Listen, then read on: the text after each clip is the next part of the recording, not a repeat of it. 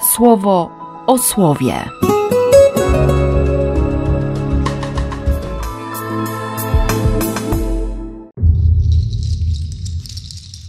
Dwudziesty siódmy stycznia, czwartek.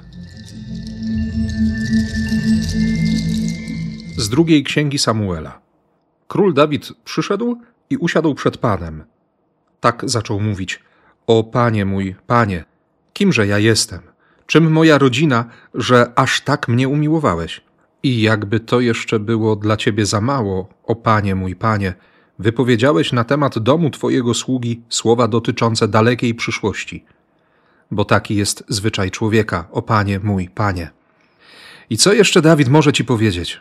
Przecież Ty znasz swego sługę, o Panie mój, Panie. Uczyniłeś zgodnie ze swoim słowem. Według swego serca dokonałeś tego całego wielkiego dzieła, aby dać je do poznania swojemu słudze. Dokonałeś, Panie mój Panie, tak wielkich rzeczy, bo nie ma nikogo takiego jak Ty. Wśród wszystkich ludów, o których słyszały nasze uszy, nie ma innego Boga oprócz Ciebie. A czy jest na ziemi tak wyróżnione plemię jak lud Twój, Izrael? Bo przecież Bóg go poprowadził, aby wykupić lud dla siebie, bo przecież Ty złożyłeś w nim swe imię, aby dokonywać wielkich dzieł i objawień, bo przecież Ty usunąłeś różne plemiona i zgrupowane oddziały zbrojne sprzed oblicza Twojego ludu, który wykupiłeś dla siebie z Egiptu. Przygotowałeś dla siebie lud swój, Izraela, lud na wieki. Ty, Panie, stałeś się dla nich Bogiem. Teraz zatem, o Panie mój Panie, uprawomocnij na wieki słowo, które wypowiedziałeś w odniesieniu do Twego sługi i do jego domu, o Panie, Wszechwładco, o Boże Izraela. Niech teraz, jak rzekłeś, Twoje imię na wieki okaże się wielkie.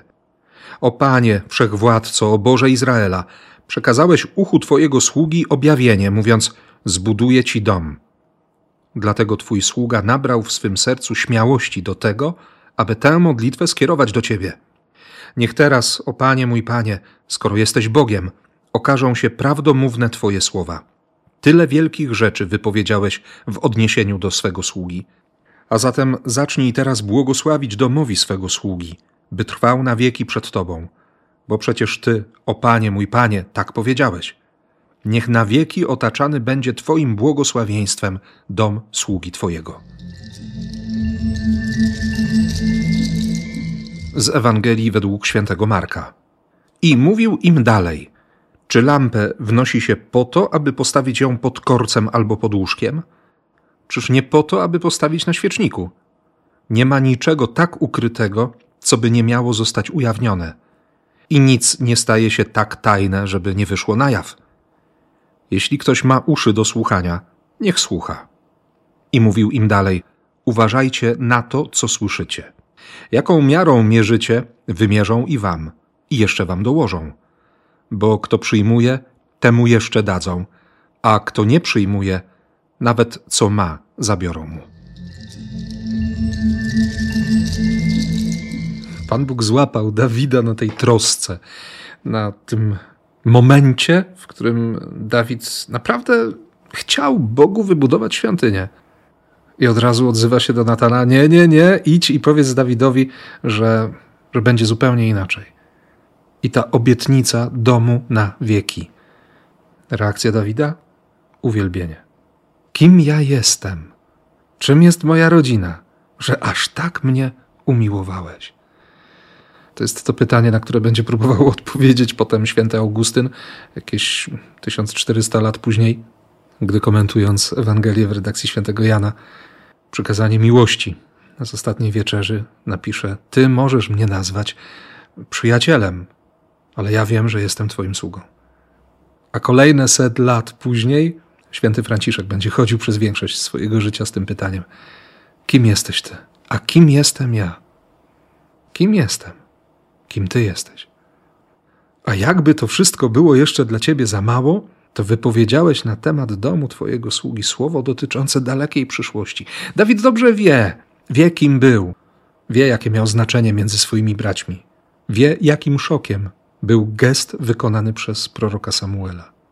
Ale wszystko się sprawdziło. Bóg jest wierny. Bóg dotrzymuje słowa. Więc Dawid po prostu śpiewa uwielbienie. Niech teraz, o Panie mój Panie, skoro jesteś Bogiem, okażą się prawdomówne Twoje słowa. Zacznij błogosławić domowi swego sługi. Niech na wieki otaczany będzie Twoim błogosławieństwem. Kto z nas tego nie chce? A przecież dobrze wiemy, że za moment Dawid zapomni o tym błogosławieństwie. Dawid będzie szukał siebie i doprowadzi do śmierci. I sam zostanie dotknięty śmiercią. I dalej będzie się nawracał. To jest ta droga przyjmowania łaski, którą, którą chyba przeżywa każdy z nas. I w pewnym sensie o tej drodze, o tym przyjęciu łaski mówi Jezus dzisiaj. Lampa, światło. Tak, trwanie w świetle bywa niebezpieczne, szczególnie dla tych, którzy chcą coś ukryć, nie? albo chcą się schować. Nie chcą, żeby ich ktokolwiek widział, ani Bóg, ani człowiek. Tyle, że to pozostawanie w mroku też rodzi pewne niebezpieczeństwo, bo naraża na ominięcie albo nawet na przypadkowe zranienia od tych, którzy, którzy po prostu nie zauważą, nie? biegnąc w kierunku światła, bo ktoś inny daje to światło, bo ktoś inny ma w sobie światło. Pytanie, czy, czy muszę tak ryzykować? Czy mam zrezygnować? Skoro trzymamy dzisiaj i ty i ja słowo, słowo, które jest światłem na naszych drogach, jest lampą dla naszych stóp. Nie? 119 psalm, 105 werset to nie da się schować Ewangelii jakoś tak po, pod pazuchą, nie? Bo trzeba ją dopasować, bo, bo rozmaite teorie, bo przecież bo przecież ciągle się lękamy, żeby przypadkiem nie stracić świętego spokoju. Lepiej nie powiedzieć, lepiej nie zrobić, lepiej nie żyć. Na szczęście dla nas, On jest taką miłością, która obezwładnia i która pozbawia władzy każdy strach. Więc skoro przyjmujesz słowo, to wiedz, że będzie go jeszcze więcej. A jeśli go nie słuchasz, nie, przecież chcemy słuchać słowa. Nawet jeśli mamy serce Dawida, po prostu wtedy częściej wracamy, częściej się nawracamy. Odwagi na tej drodze wyboru miłości, odwagi w słuchaniu słowa. W imię Ojca i Syna i Ducha Świętego. Amen. Słowo o słowie.